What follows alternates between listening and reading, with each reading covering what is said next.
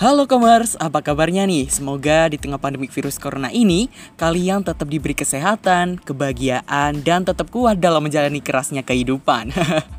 BTW, sebelum mulai nih Commerce aku mau kenalan dulu karena ingat kata pepatah, tak kenal maka tak sayang. Nah makanya kenalin nama aku Maulana Wildan Ibrahim bisa dipanggil Wildan dari Prodi Ilmu Komunikasi 2019 Universitas 11 Maret. Nah kali ini aku bakalan ngebawain satu podcast yang temanya tuh komunikasi dalam melawan COVID-19 BTW nih commerce ngomongin soal COVID-19 Pasti ada dong ya dan bahkan banyak berita-berita yang seliweran di media-media Yang berbau hoax dan membawa keresahan di masyarakat Nah makanya aku di podcast kali ini bakal ngomongin soal hal itu. Dan satu hal lagi yang bakal kita bahas yang pastinya seru Berhubungan sama bidang komunikasi dan pandemi virus corona ini yang udah bikin kita emosi Dan naik darah. So makanya stay tune terus dan tetap chill. Santuy juga enjoy aja ya commerce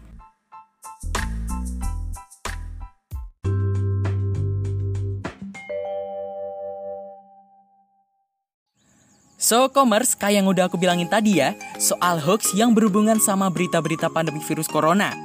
Orang-orang tuh kadang terpancing sama berita-berita yang clickbait di suatu portal media online.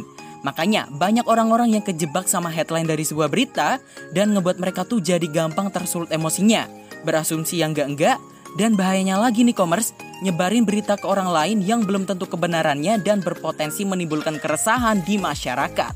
Maka dari itu, perlu adanya pemahaman tentang etika komunikasi untuk melawan berita hoax, apalagi yang berhubungan sama pandemi virus corona yang sekarang lagi melanda dunia. Jadi commerce, berkomunikasi itu wajib menggunakan etika komunikasi dengan baik dan benar. Begitupun dalam menyebarkan suatu informasi dan berita. Dalam hal ini yaitu berita tentang COVID-19. Maksudnya dalam menyebarin informasi itu harus sesuai dengan fakta, tidak boleh dilebih-lebihkan tidak dikurang-kurangkan, juga tidak boleh diputarbalikkan dari fakta sebenarnya. Misalnya yaitu menerapkan etika kejujuran atau objektivitas berdasarkan fakta, berlaku adil atau tidak memihak, dan menerapkan etika kewajaran. Gak cuma nerapin etika komunikasi nih commerce, kita sebagai masyarakat awam perlu juga mengetahui berbagai cara untuk menangkal berita hoax dalam hal ini yaitu tentang virus corona dari berbagai media komunikasi. Nah yang pertama itu ya yang perlu kamu ketahui e-commerce buat ngelawan berita hoax di beberapa media apalagi yang berhubungan sama virus corona yaitu kamu kudu hati-hati sama judul atau headline yang provokatif dan clickbait. Nah biasanya isi beritanya tuh ya cuma mau jokin pihak tertentu tanpa mengetahui fakta sebenarnya dan biasanya judul-judul yang clickbait begitu gampang mancing masyarakat buat berkomentar atau berasumsi yang enggak-enggak. Terus yang kedua nih commerce dalam ilmu komunikasi itu diajarin cara buat menangkal berita hoax yaitu dengan menerapkan elaborasi dan investigasi. Maksudnya elaborasi itu seorang komunikan atau si penerima pesan akan mengolah pesan atau informasi terlebih dahulu sebelum membuat tindakan. Nah caranya itu pakai investigasi yaitu meninjau ulang informasi yang diterima bukan hanya dari satu sumber atau satu portal media saja, tapi juga perlu yang namanya melihat dari berbagai sumber biar informasi yang kita dapatkan tidak rancu dan bisa melihat dari berbagai sudut pandang. Terus yang ketiga nih commerce, cari berita atau informasi yang bersumber dari instansi-instansi yang berkompeten dalam bidangnya. Dalam hal ini, kita kan sedang melawan berita hoax yang berkaitan sama COVID-19 ya. Nah, instansi yang punya kapabilitas dan berkompeten dalam hal ini yaitu contohnya Gugus Tugas Percepatan Penanganan COVID-19, Kementerian Kesehatan, WHO, atau dari pemerintah pusat yaitu Istana Kepresidenan. So, karena itu commerce, informasi-informasi yang bersumber dari instansi-instansi tersebut bisa kita jamin kevaliditasannya dan bisa kita jadikan acuan karena mereka lah yang berkompeten dan dipercaya dalam menyebarkan informasi soal virus corona kepada masyarakat. Nah, ada tambahan e-commerce buat menangkal berita hoax. Biasakan baca berita itu jangan setengah-setengah ya. Baca keseluruhan beritanya dan jangan berasumsi atau berkomentar yang enggak-enggak yang bisa aja memicu keresahan di masyarakat. Ingat, sekarang udah ada yang namanya UU ITE yang mengatur segala aktivitas kita yang berhubungan sama media komunikasi, media informasi, media digital, dan media sosial.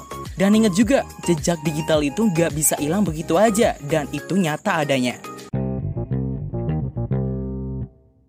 Welcomers, gak cuma berita hoax tentang COVID-19 aja yang perlu dilawan dan dicegah. Virus corona juga perlu dicegah dan dihentikan penyebarannya. Salah satu cara preventifnya yaitu dengan sosialisasi kepada masyarakat.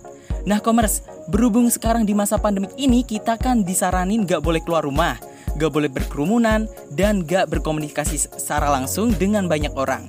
Makanya, sosialisasi dengan komunikasi tatap muka secara langsung itu tidak disarankan ya. Maka dari itu, commerce, di sinilah peran media komunikasi atau media digital dalam mensosialisasikan pencegahan virus corona kepada masyarakat.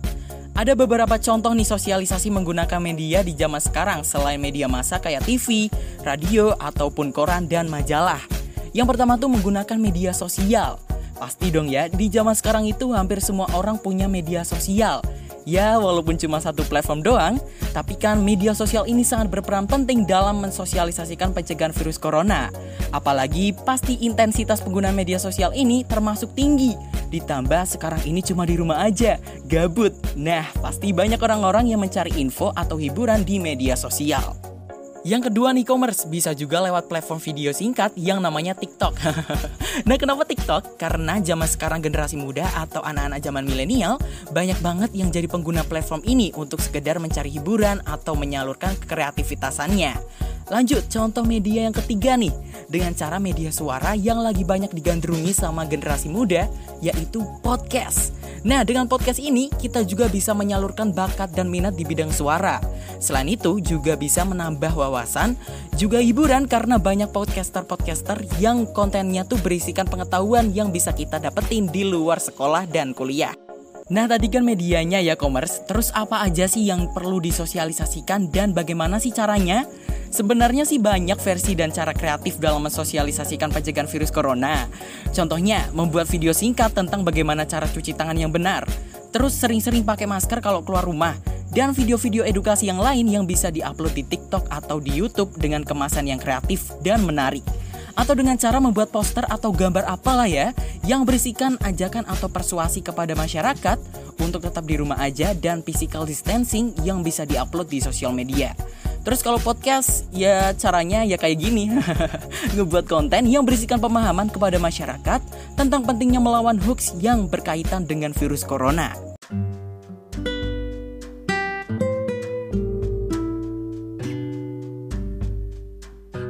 So, intinya commerce perlu banget buat kita untuk melawan berita-berita hoax apalagi yang berkaitan sama pandemik virus corona. Biar gak ada lagi tuh yang namanya keresahan di masyarakat. Gak cuma itu commerce, kita juga perlu memutus mata rantai penyebaran virus corona dengan cara pencegahan yang bisa disosialisasikan menggunakan media-media komunikasi dan media digital lainnya. Well, segitu dulu podcast dari aku ya, Commerce. Will dan cabut, stay safe, stay healthy, stay at home, have a nice day, and goodbye.